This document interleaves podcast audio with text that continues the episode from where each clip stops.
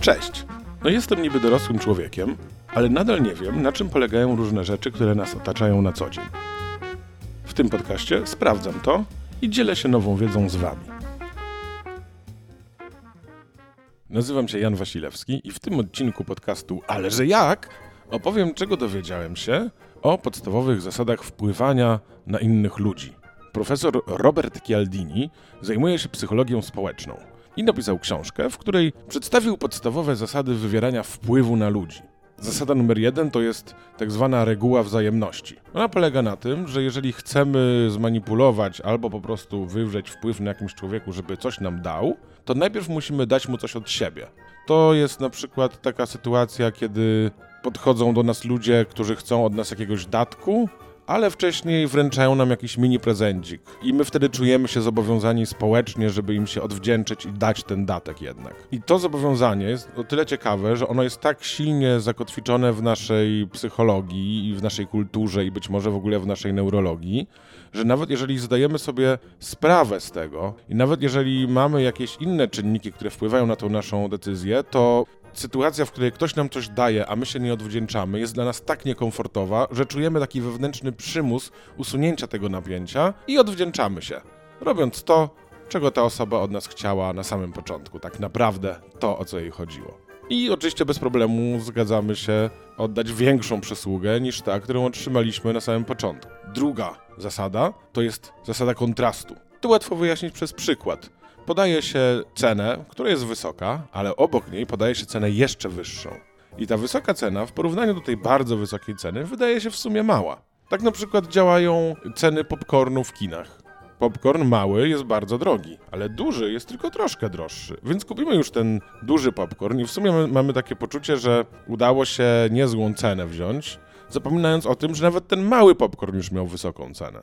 I warto o tym pamiętać, że kiedy ktoś nam przedstawia jakieś oferty i tych ofert jest kilka, to bardzo możliwe, że chodzi mu o to od początku, żebyśmy wybrali tę najniższą, a tę najwyższą nam przedstawia po to, żeby ta najniższa wydawała się bardzo atrakcyjna. Kolejny sposób wywierania wpływu na ludzi to jest społeczny dowód słuszności. To jest dla mnie bardzo ciekawe i to polega na takim myśleniu, że skoro inni zachowują się w jakiś sposób, to znaczy, że to jest dobre i ja też powinienem, powinnam zachowywać się w ten sam sposób.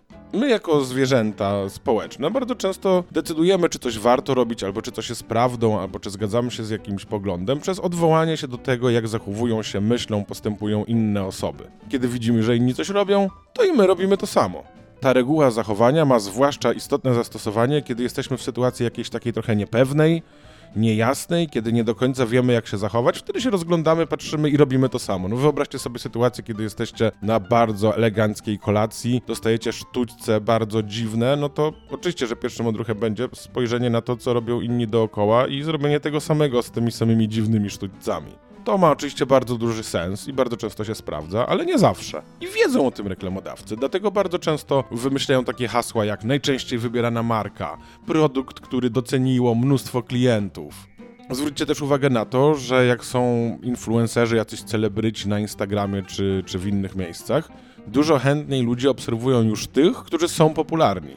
Ja szczerze mówiąc też osobiście, jak widzę nie wiem, dwa kanały na YouTubie i jeden jest bardzo popularny, a drugi mniej, to zakładam, że pewnie ten bardzo popularny, no jest lepszy. I teraz zadanie dla was. Zastanówcie się dobrze. Czy gdyby wasz kolega wskoczył w ogień, to też byście wskoczyli w ogień? Psychologia społeczna podpowiada, że tak. Następną zasadą jest reguła zaangażowania i konsekwencji. Chodzi o to, że im bardziej dana osoba jest zaangażowana w jakieś działanie, tym ciężej jest się z tego działania wycofać.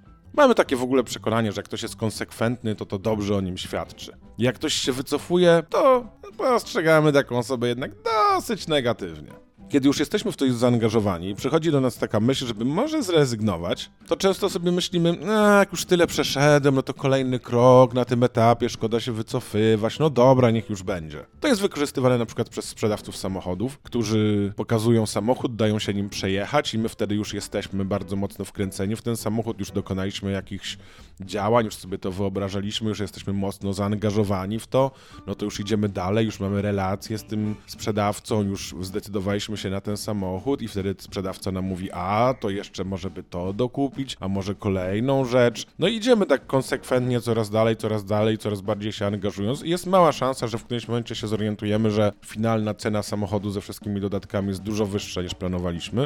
No bo nie chcemy ani wyjść na niekonsekwentnych, ani przed sobą przyznać się, że zaangażowaliśmy się w coś, z czego teraz chcemy się wycofać. A teraz reguła lubienia i sympatii. To jest prosta reguła. Kupujemy rzeczy od ludzi, których lubimy. Możemy ustąpić trochę w swoim stanowisku. Możemy trochę zejść z naszej własnej ceny dla tych osób właśnie, które też darzymy sympatią. A jak sprawić, żeby ktoś nas polubił? Ważne, żeby taka osoba, która ma nas polubić, zauważyła, albo przynajmniej, żeby jej się wydawało, że jest do nas podobna, żeby usłyszała od nas komplementy. Świetną metodą jest zorganizowanie jakiejś sytuacji, w której się współpracuje, wtedy się bardzo duża taka więź lubienia wytwarza między ludźmi. Czyli tak, jeżeli ktoś cię lubi, to łatwiej go zmanipulować. Swoją drogą fajnie, gdyby było odwrotnie. Wchodzisz do sklepu, sprzedawca wita cię słowami siema świński ryju i od razu masz ochotę coś kupić. Przedostatnia kwestia to jest reguła autorytetu mamy taką bardzo silną skłonność do tego, żeby ulegać ludziom, którzy w naszym przynajmniej odczuciu są autorytetami w jakiejś dziedzinie, albo w ogóle autorytetami, bo czasami ten autorytet w jednej dziedzinie się przenosi na autorytet w innych dziedzinach. I czasem wystarczy sam atrybut autorytetu. W reklamach widzimy, że ktoś jest po prostu ubrany w kitel, że ktoś jest w garniturze, że ktoś jest w mundurze. Albo na Instagramie, kiedy widzimy reklamę promującą kurs szybkiego zarabiania pieniędzy, taka osoba, która mówi do nas z ekranu telefonu, jest w drogim garniturze właśnie, ma luksusowy samochód, wspaniały zegarek, no i to pokazuje, no kurczę, to jest autorytet, on się dorobił. I też na przykład w gabinetach lekarskich, psychologicznych widać porozwieszane dyplomy z ukończonymi certyfikatami przez specjalistów, którzy urzędują w takim gabinecie. To też ma właśnie na celu sprawienie, żebyśmy pomyśleli, że no tutaj pracują osoby z autorytetem. A, przepraszam, powiedziałem, że jest przedostatnia reguła, a nieprawda, teraz będzie przedostatnia, ale bardzo krótka i bardzo prosta. Nazywa się reguła niedostępności, która opiera się na takim mechanizmie, że pożądamy tego, co jest niedostępne. Jak coś jest szeroko dostępne, możemy to sobie wziąć, to nam aż tak bardzo nie zależy. Ale jeżeli to jest na przykład limitowana seria, albo ostatnie sztuki, albo oferta ważna tylko do dzisiaj, do północy, to się na to rzucamy dużo, dużo szybciej. To oczywiście ma sens, tak jak te wszystkie inne mechanizmy, no bo faktycznie zazwyczaj jest tak, że im coś jest rzadsze, tym jest cenniejsze, ale też czasem można tego użyć do zmanipulowania ludzi. Ostatnia kwestia mi się bardzo kojarzy z tym lubieniem, ale jest czymś troszkę innym, to jest reguła jedności. Chodzi w niej o to, że dajemy się łatwiej przekonać takim ludziom, którzy mają z nami jakąś wspólną płaszczyznę, którzy należą do grupy my, to może być na przykład rodzina. W Polsce to bardzo widać, że takie bardzo bliskie pokrewieństwo rodzinne bardzo decyduje o tym, co myślimy i co uważamy i uważamy takie osoby za największe autorytety. Ale to może być na przykład jakaś grupa zainteresowań, pochodzenie skądś, jakieś miejsce, wspólny zawód, sport, który się razem uprawia. I to wykorzystują niektóre marki, które tworzą grupy na Facebooku, gdzie zbierają ludzi zainteresowanych ich produktem, no i wtedy tworzy się taka silna identyfikacja my, i dużo łatwiej wpływać na ludzi należących do tej grupy.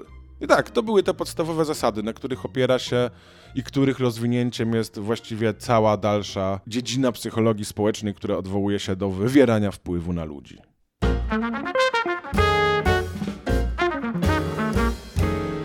Dzięki za słuchanie. Bardzo mi pomoże, jeżeli ocenisz ten odcinek, zaobserwujesz podcast, a może nawet skomentujesz. Do usłyszenia następnym razem, gdy wspólnie będziemy się zastanawiać nad kolejną zagadką codzienności.